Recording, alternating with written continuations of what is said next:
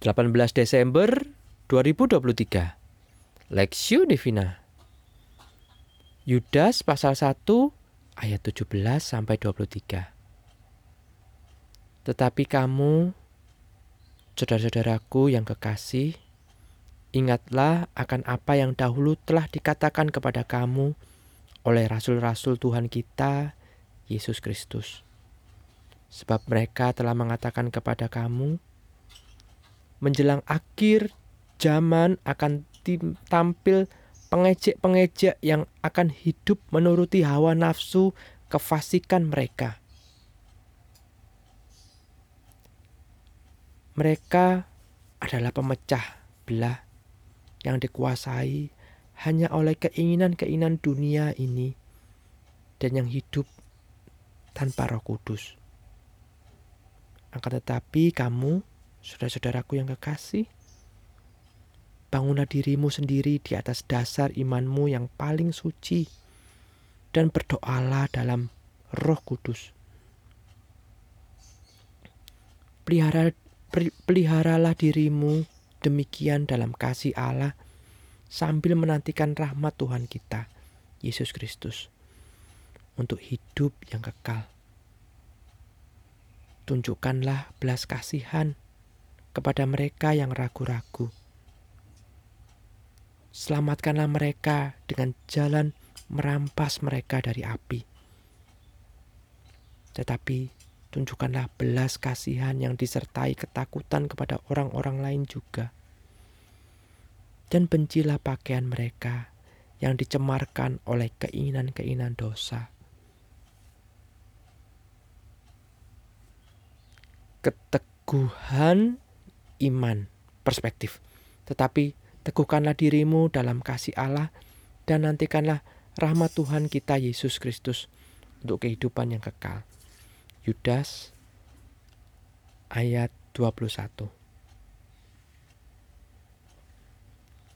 Tantangan dalam era globalisasi adalah semakin kaburnya garis yang memisahkan antara yang baik dan yang buruk.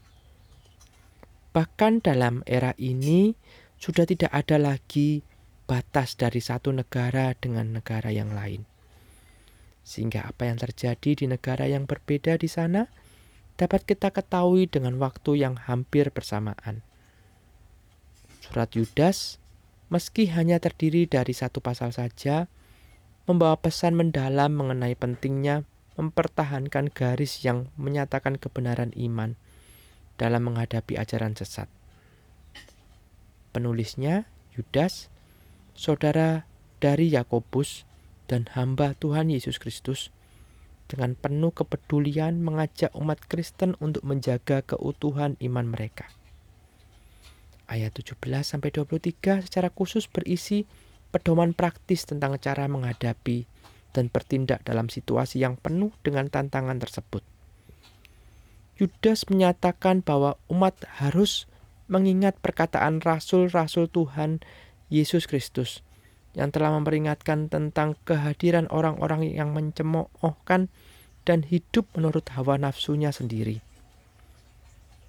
Meskipun situasi ini sulit, Yudas mengajak umat untuk membangun diri mereka dalam iman yang suci, berdoa dengan bimbingan Roh Kudus menjaga diri dalam kasih Allah, dan menantikan rahmat Yesus Kristus untuk hidup kekal.